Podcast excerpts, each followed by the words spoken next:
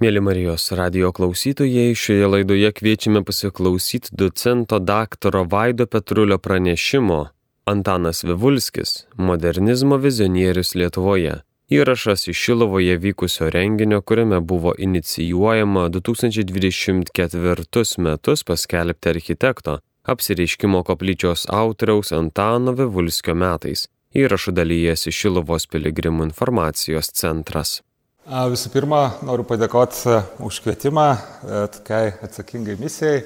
Na, aš kaip architektūros istorikas e, be jo bejonės turiu vieną kitą mintį apie Vivulskį, tai bandysiu ją ir pasidalinti.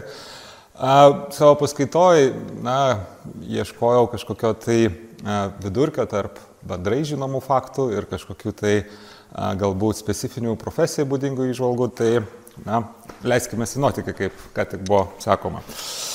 Taigi, Antanas Vivulskis, modernizmo vizionierius Lietuvoje.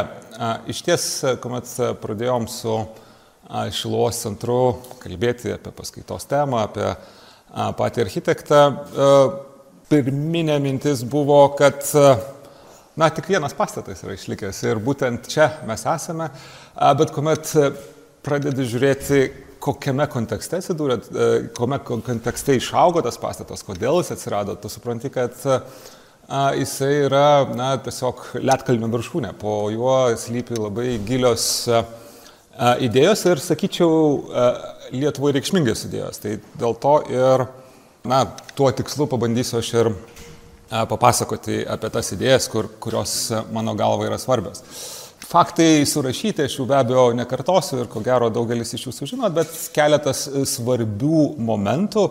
Tai pirmiausia, ko gero reikėtų pradėti nuo to, kad kaip ir pavadinime buvo suformuoluota, kad jis yra modernizmo vizionierius.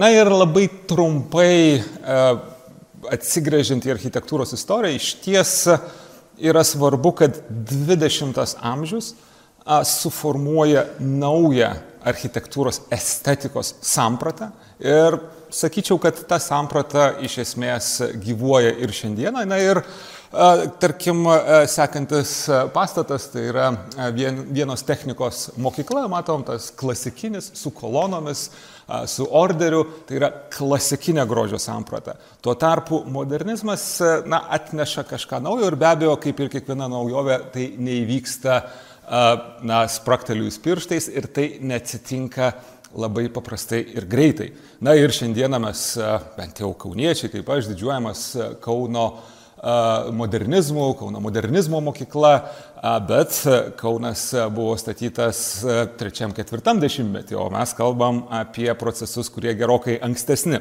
Tai va tas momentas, kuris mane inspiravo pasižiūrėti giliau, tai var, kokia yra e, Vibulskio santykis, koks yra santykis su modernizmu, su tokia na, nešančia pasaulinė idėja ir kurioje vietoje jisai yra. Na ir be abejo, e, šitame kontekste e, yra labai svarbu, kada jisai yra gimęs.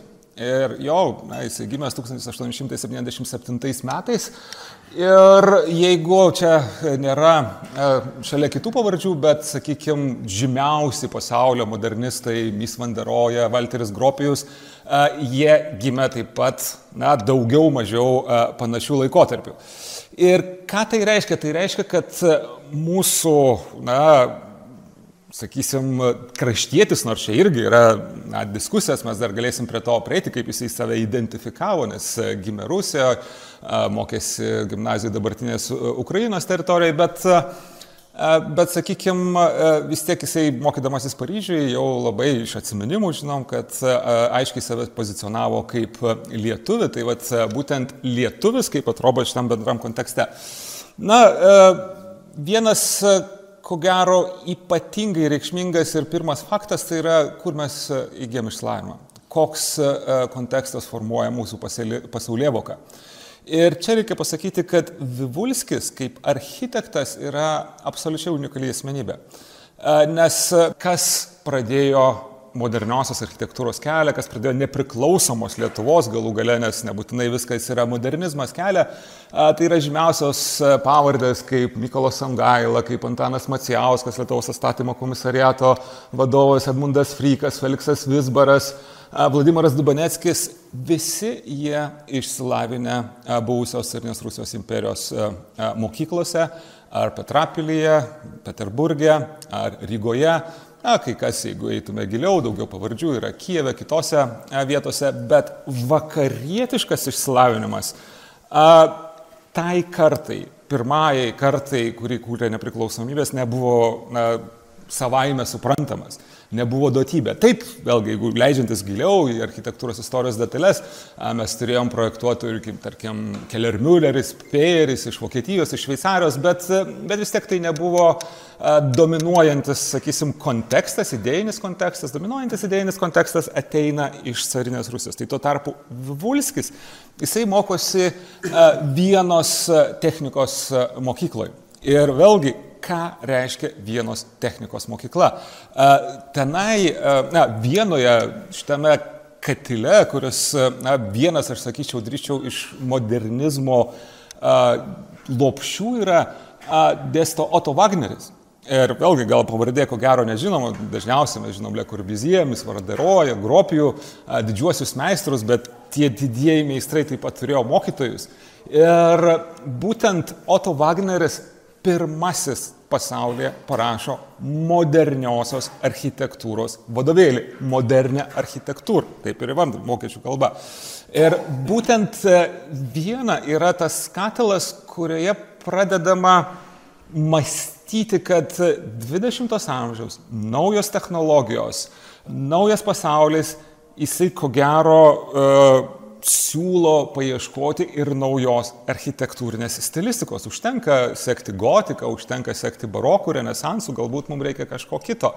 Ir tas kažkas kitas taip savaime negimsta, kuomet žiūri istorinį perspektyvą, atrodo labai paprasta, nu, kaip galėtų būti neaišku, tik tai taip, bet toli gražu. Ir tas, tas faktas, kad Vulskis mokosi vienoje ir beje mokosi visai neprastai, netgi yra žinių, kad yra laimėjęs architektūrinių konkursų. Tiesa, vėlgi čia dar reikalauja ateities istorinių tyrimų, nuvažiuoti vieną, pasižiūrėti mokyklos archyvus, giliau patirinėti jo gyvenimo, bet jisai buvo, na, ne tik, kad mokėsi, buvo geras studentas, bet e, svarbu, kad jisai atsineša tą kontekstą.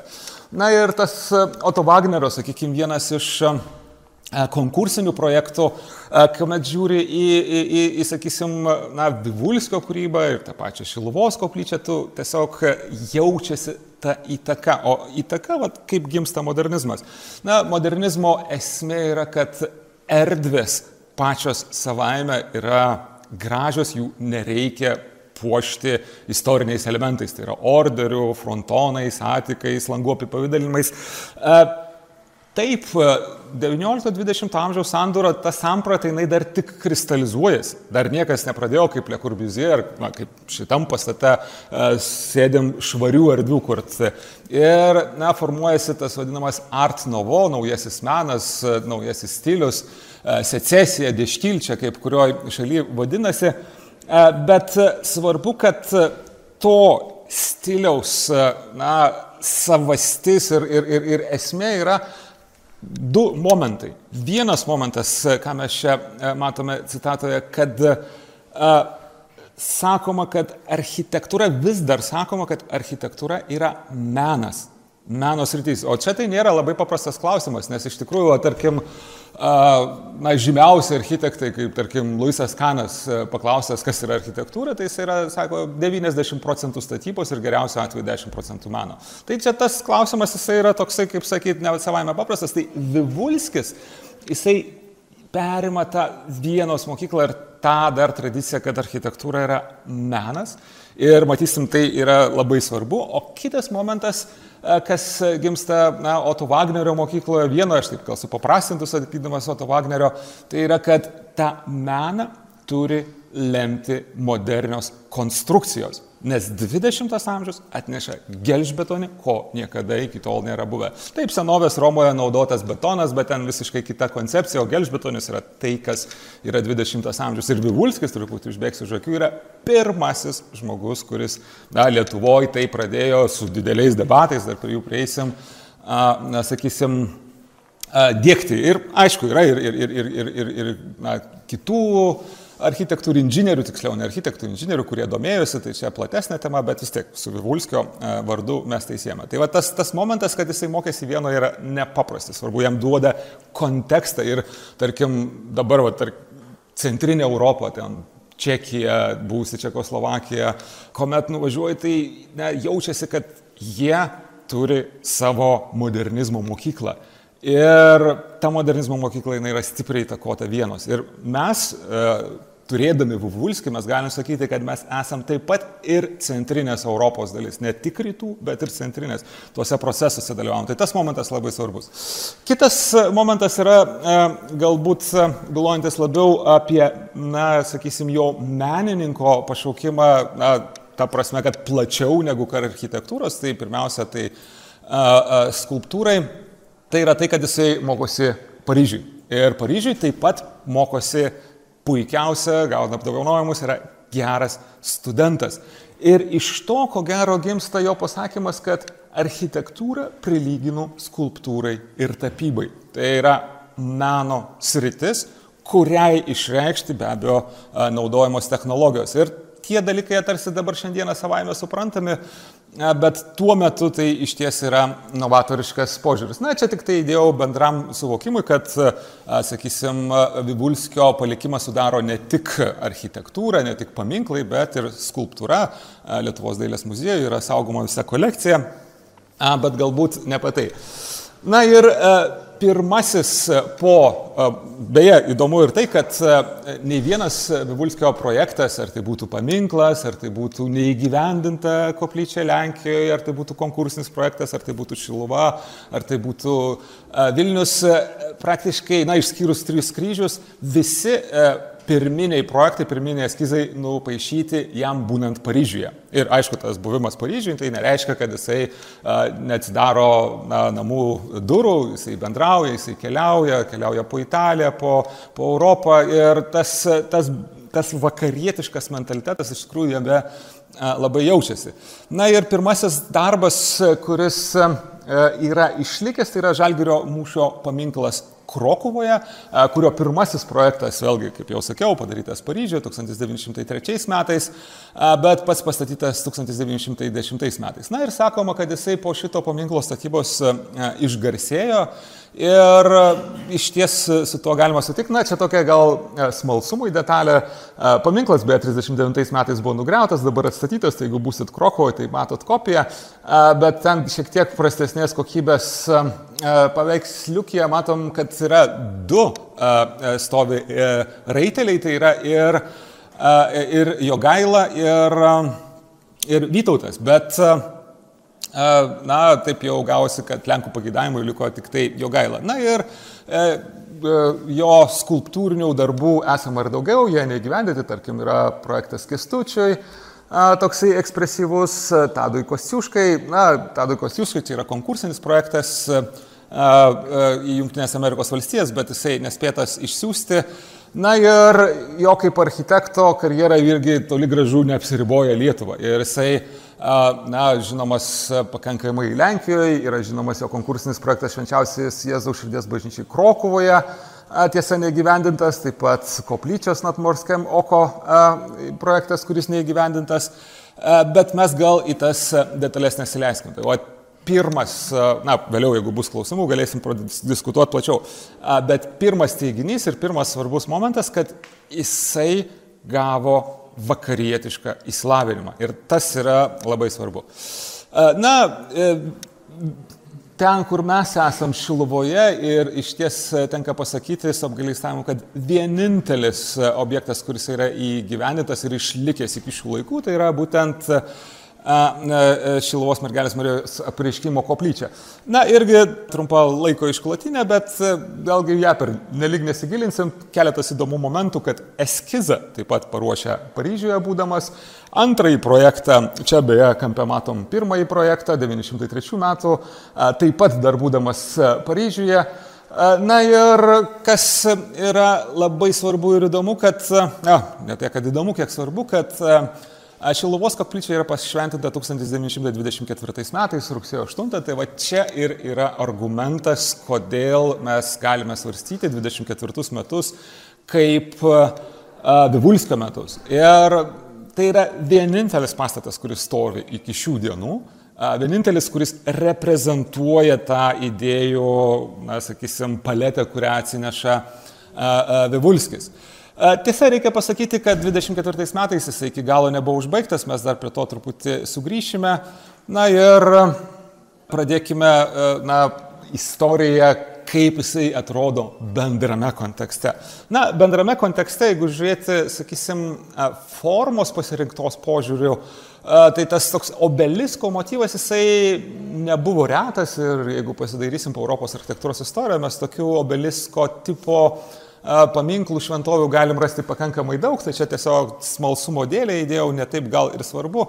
Kas man yra kaip istorikui įdomiau, kad Būtent jau šiek tiek vėliau, pirmojo pasaulinio karo metais, bet vis tik tai yra tas katilas, tas vakarų architektūros idėjų katilas, Bruno Tautas, vokiečių architektas, modernistas, suformuoja tokią koncepciją kaip štat krionė, miesto karūna. Na, aišku, Šiluvą pavadinti miestu su maždaug pusantro tūkstančio gyventojų, šiek tiek mažiau po pirmo pasaulinio karo, galbūt per drąsų, tai aš užrašiau miestelio karūną, bet kas yra be galo įdomu ir be galo svarbu ir vėliau mes prie išvadų tai na, galėsim apibendrinti, kad Bruno Tautas, kalbėdamas apie modernę architektūrą, apie tos švarius paviršius, apie tas technologijas, jisai pradeda nujausti, kad pastatai suvienodėja, kad jie tampa monotoniški. Ir iš tiesų vėliau modernizmui viena iš svarbiausių kritikų - visur vienodos dėžutės, kiek galima statyti dėžutės. Aišku, dar 19 metais toli gražu iki tų dėžučių, bet vis tiek.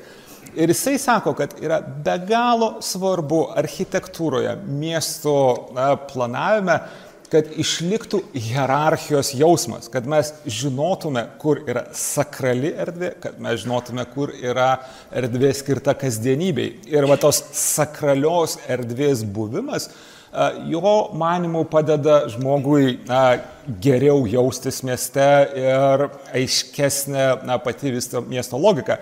Ir tam jisai pasiūlė tokį miesto karūnos koncepciją. Aišku, jisai miesto karūnos koncepcija labiau skirta dideliam miestui, Bet aš švėdamas iš Šilo, aš tiesiog jau stebėčiau, taip, tai yra šito miestelio karūna ir va tas pats e, tokio obelisko motyvas, aš ne veltui sakiau, kad obeliskas yra na, tokia forma, kuri yra būdinga. Tai man tas, tas momentas pasirodė a, labai įdomus.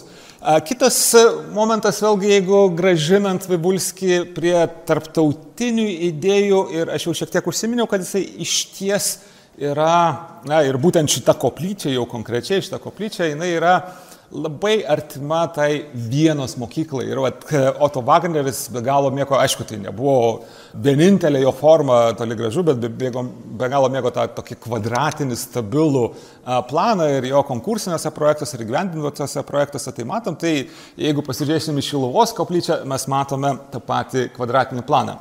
Bet a, kuom visgi šita Šilovos koplyčia įdomi? Tai viena vertus, aišku, sukurta žmogaus su plačiu įsilavinimu ir plačių matymų, bet kas yra dar be galo svarbu ir įdomu, kad jisai pats rašydamas savo pusėserį rašo, kad aš norėjau sukurti pastatą žemaitišką dvasę. Ir čia reikėtų padaryti dar vieną ekskursą truputį architektūros istoriją ir pasakyti, kad 19-20 amžiaus sandaro ir 20 amžiaus pradžioj yra na, formuojantis e, e, tautinėms valstybėms, e, yra labai svarbus klausimas, kuris pradedamas kelti architektūrai, tai yra nacionalinio identiteto. Ir vėlgi atrodo, kad tarsi, na, nuvažiuojam į Angliją, bažnyčios gotikinės vienokios, Vokietijoje kitokios, kur problematika. Bet jeigu mes kalbam apie 20-ojo amžiaus architektūrą, tai matysim, kad problematika iš ties yra, nes ir dabar diskutuodami dažnai šiagam, na tai tas pastatas gali stovėti bet kur, gali Joniškai, gali Šanhai, neturi savo veido. Tai va tas veido buvimas Vulskiui yra aktualus ir jisai yra vienas iš pirmųjų, kuris pradeda apie tai išnekėti.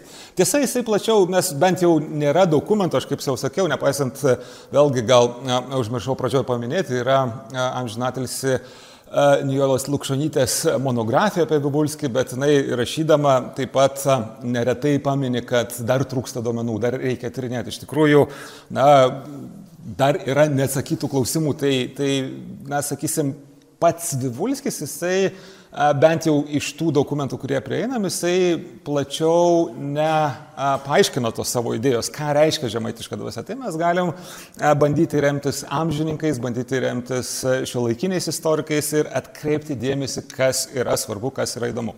Na, iš amžininkų toks labai įdomus momentas, Elenos Remerytės citata, kad koplyčia projektuojama bokšto sutvirtinto bastionas pavydalo, rusti, tvirta, niuri, įsivaizduoja tarp gyrių nepasiekiama ir neįveikta kaip tų žmonių tikėjimas. E, na, dėl niūrumo ir tvirtumo nebūčiau aš e, toks, na, tvirtumo tai savame aišku, dėl niūrumo nebūčiau toks tikras, bet e, ką tai reiškia ta citata, jinai, sakysim, šiek tiek nušviečia kontekstą, kas yra mąstoma.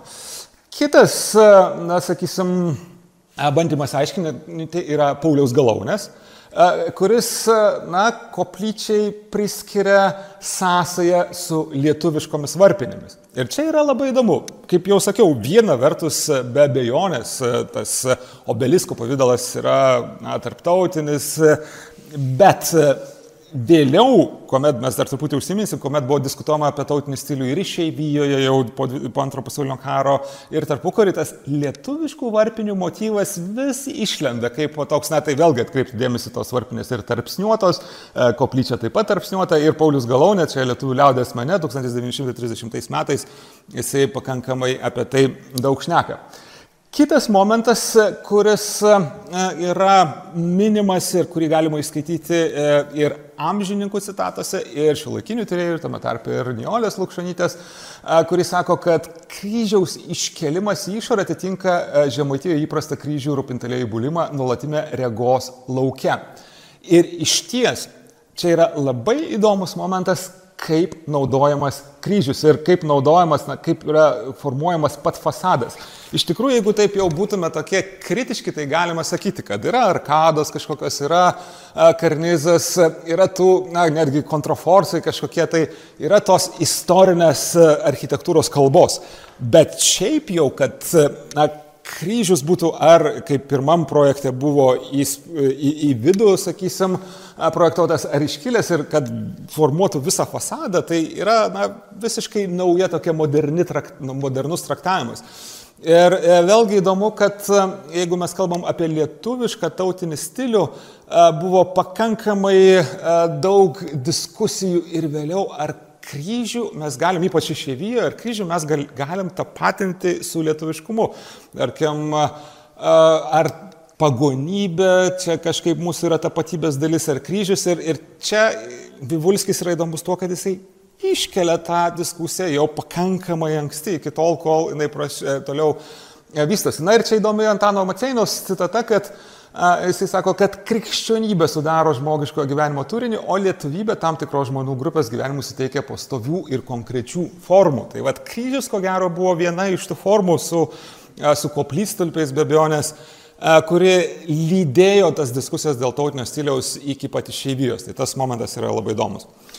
Kitas momentas, kuomet mes kalbam apie nacionalinį charakterį, kas yra dėje jau neišlikę, bet atkreipkite dėmesį, tokie prieangiai gana ornamentuoti ir jie buvo mediniai.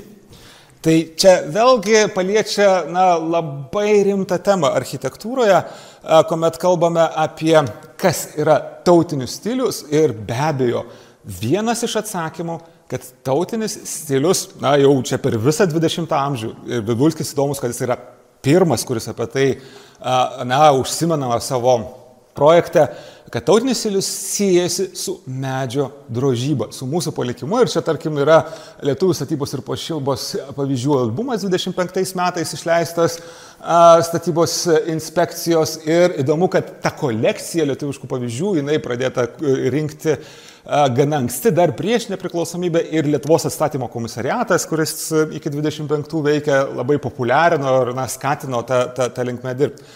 Bet kas yra dar įdomiau, kad jeigu žiūrėsim šiek tiek toliau a, į išeivių architektūrą, lygiai tas pats grįžta ir neveltui, kaip aš jau sakiau, tas kryžiaus koplystulpio motyvas, a, jisai visuomet kažkaip tai sukosi galvoju, kad kryžius, drožyba a, ir iš žymiausių lietuvių, sakysim, savęs parodymo tokių pavyzdžių, tai yra New Yorko pasaulinė paroda, kur 64 metais, kur stovi lietuviškas kryžius, arba, na, vėlgi, Muloko, Kudoko, visos eilės išeivių architektų projektuoti pastatai, kurie liko iki ir šiandieną, o tarkim, čia yra Čikagos švenčiausios mergelės Marijos gimimo bažnyčios ir jeigu pažiūrėtume tas viršutinės dalis, ten irgi yra toks referencija į, į, į kryžių ir į medinę drožybą. Na ir lygiai Kauno centrinis paštas, ar ne, jeigu pasižiūrėsime į ornamentiką, tai salės ornamentika grįsta tekstilės, bet, sakysim, langų ornamentą imituoja drožybą. Ir kas čia yra labai svarbu, kad iš tiesų tame laike medis ir mūras atrodė nesuderinami. Modernu yra mūras, medis yra tarsi hmm, nelabai. Ir Lietuvai vis dėlto būdinga ieškoti va, tos nacionalinio charakterio per per medžio ir mūro dermę. Tai va tas, tas momentas, tiksliau, na, medžio ir mūros estetikos dermę, nes medžio estetika, jinai tokia smulki, visai kitokia. Tai Vivulskis apie tai jau, na, galima sakyti, mes jį galime laikyti, kad jisai yra tos diskusijos, na, gal nekivaizdus iniciatorius, bet, bet na, pirmtakas savotiškas. Tai va tas momentas yra labai įdomus. Na ir kalbant apie koplyčią, be abejonės, Vivulskis ne, tokių sudėtingų aplinkybių dėka paskolinės Milinė Vilniuje yra paminklas savo tarnybos draugui 19 metais, na, miršta, šiaip jau jisai buvo silpnos veikatos. Ir pati koplyčia jinai yra pabaigta įrengti jau kitų architektų ir tarpu karių pakankamai daug dėmesio skirta. Čia, tarkim, yra Adomo Valeškos saugomi eskizai Vilniaus apskrities archyve ir sovietmečių, na, jinai buvo tvarkoma ir tai, ką mes turim, tai yra dabar tokia, na, tam tikra sintezė Vulskio idėjų ir, ir to, kas vyko truputį vėliau. Na ir dar vienas momentas įdomus, aš kažkaip galvodamas apie tą simbolinę reikšmę, man iškyla tokios asociacijos truputį su prisikelimo bažnyčia, kad ta simbolika, tas testinumas, aišku, ne taip, čia ta, ta, ta, tas funkcinė kaita nebuvo tokia radikali, bet visgi antinių tėvo ir sunaus tos angelos kultūros, kurios yra nulibdytos dabar, jau po atliepiant Vivulskio sumanimą, toks labai įdomus momentas, kad ta idėja jinai nesibaigia, jinai tęsia, jinai jungia skirtingas epochas ir aš manau, kad tai yra pakankamai reikšminga. Na ir galų gale baigiant ir truputį apie koplyčią ir, ir Vivulskį kontekstualizuojant bendram kontekste, aš matyčiau jį kaip iš e, vieną iš ankstyvųjų modernistų, kuris, jeigu žiūrėsim regioną, kuriame gavo išsilavinimą, ko gero artimiausias yra Jožė Plečnikui. Plečnikas, beje, dabar jo architektūra yra UNESCO pasaulio paveldo objektų, kuris derina tradiciją ir modernybę. Na, dėja, mes Vivulskio netekom ir, ir, ir Lietuva iš tikrųjų neteko labai didelio architektūros meno žinovo, intelektualo, bet yra kaip yra. Dar vienas momentas, apie kurį trumpai norėčiau pakalbėti, tai yra Jėzaus širdies bažnyčia Vilniuje. Ir vėlgi čia e, istorinis, na, sakysim, istorinė linija, kaip, kaip viskas vyko, tai jeigu labai trumpai, vėlgi projektas, pirmasis dar būnant Paryžiuje, Na, kertiniai faktai, kad 24 metais bažnyčia pradėjo veikti, nors nebuvo baigta. Na ir 62 metais uždaryta ir perstatyta į statybininko kultūros namus. Atkreipkite dėmesį, projektas yra su dviem bokštais, o vėliau, kuris čia yra pirminis projektas, o 13 metų maketas, dėja projekto neturim, irgi galbūt dar architektūros istorikai atras, yra su labai aukštu 80 metrų bokštu. Na ir įdomu, kad, e, sakysim, čia gal sunkiai matosi, bokštas yra galinėje e, fasado dalyje, čia yra e, Jėzaus kultūra ir čia yra du šoniniai bokštai, kurių Vibulskis nepadarė.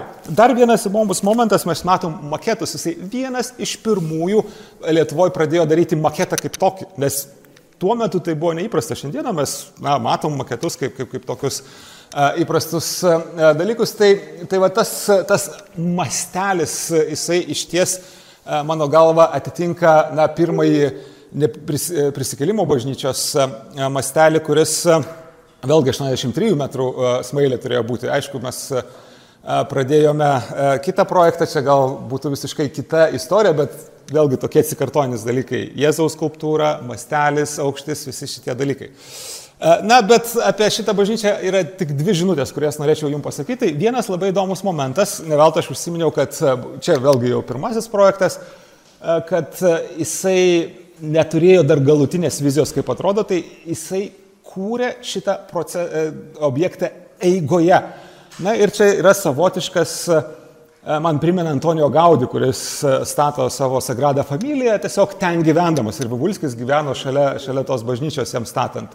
Tai vienas momentas, o kitas, kuris be abejo yra labai svarbus, kad čia yra gelžbetonis panaudotas. Ir vėlgi tą gelžbetonio panaudojimą, ko gero, Vivulskis atsiveža iš Paryžiaus, ten, kur dirba, na, François Henebikas, vienas iš pirmųjų, kuris patentuoja gelžbetonį. Ir aišku, gelžbetonis gal matosi labiau iš vidaus, bet jeigu būsit Paryžiui, Montmartre, aplankykit, o gal jau esate aplankę Anatolę Budo, Švento Jono bažnyčią, kuri irgi yra statyta labai panašiai iš gelžbetonio. Bet kas yra svarbiausia, kad Paryžiui tuo metu dirba ir yra žymus, pasimokusi Le Corbusier, nemokosi, o, o dirba ofise čia Rue Franklin 19 kvartale, jeigu busit. Ir Augustas Pere, na, gelžbetono poetas. Ir jisai sako, kad architektas tai yra poetas, kuris galvoja konstrukcijų kalba. Ir aš esu įsitikinęs, kad tikrai Vibulskis matė šitos darbus, jisai jautė tą Paryžiaus kontekstą. Tai va tada jau jo bažnyčia netrodo tokia, netrodo tokia, sakysim, na, keista, bet jinai tuo pačiu ypatingai inovatoriška. Na ir įdomu, kad jisai lygiai kaip ir Antonijo Gaudis, Agradai familijai, taip ir Vivulskis buvo palaidotas šitoj bažnyčiai, tiesa, vėliau jo kapas yra perkeltas.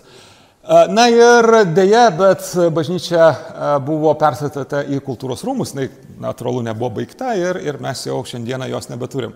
Na ir paskutinis darbas, kuris nėra architektūra, bet yra skulptūra, yra trijų kryžių paminklas Vilniuje. Vėlgi, nesileidžiant į detalės, yra keli svarbu, tiksliau vienas gal labai svarbu, viena svarbi žinutė, bet, na, matome čia vėlgi išklotinė, jisai yra atstatytas, tai ne, nestovi autentiškas paminklas, 50 metais buvo susprogdintas, bet kas įdomu, kad jisai statytas iš tiesų toje vietoje, kur, na, trys kryžiai stovėjo labai ilgai, na, manoma, kad galbūt nuo 613-36 metų, aš pats netirinėjau tų dalykų, tai čia pasakoju Tolvaišinės tyrimus, bet tai reiškia, kad tas leidimas e, jau vokiečių, e, sakysim, laikmečių statyti, e, atstatyti tuos kryžius jau visiškai kitą formą, nes mediniai buvo nuolatos atstatomi, buvo, kaip tolo šiandien sako, tapatybės ir pasipriešinimo ženklas. Tai vėlgi labai svarbu lietuviškumui. Na, čia kaip, kaip ta aplinka atrodė.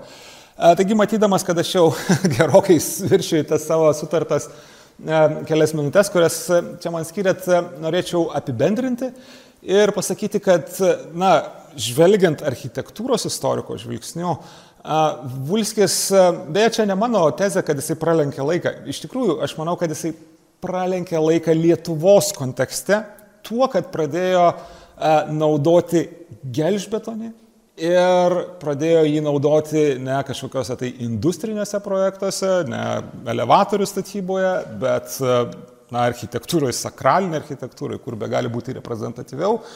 Ir būtent tas uh, išsilavinimas, kuriuo mes vėliau džiaugiamės, kad Vytautas Landsbergis, Stasys Kudokas, uh, jie visi atsivežė uh, patirtį iš Europos, bet jau apie 28 metus, gerokai vėliau, jisai buvo tas žmogus, kuris atvežė tą vakarų patirtį ir pačią novatariškiausią, nes, tarkim, Bodo, ta bažnyčia Monmartė, tai buvo pirmas pastatas, kuris sakralinis pastatytas iš gelžbetonio. Tai yra vienalaikis procesas ir va, tas vienalaikiškumas su novatariškiausiam idėjom, mano galva, yra na, labai svarbus ir ir labai stiprus argumentas, kad mes Vivulskį na, dar permastytume, plačiau apie jį kalbėtume, baigtume tyrimus ir, ir, ir, ir, jį laikytume, ko gero, vienu iš modernizmo pradininkų Lietuvoje. Tai va, tokia mano trumpa paskaitėlė. Ačiū uždėmesi. Šioje laidoje klausėmės docento daktaro Vaido Petrulio pranešimo Antanas Vivulskis - modernizmo vizionierius Lietuvoje. Įrašas iš Šilovoje vykusio renginio, kuriame buvo inicijuojama 2024 metus paskelbti architekto apsireiškimo koplyčios autoriaus Antano Vivulskio metais. Įrašų dalyjosi Šilovos piligrimų informacijos centras. Likite su Marijos radiju.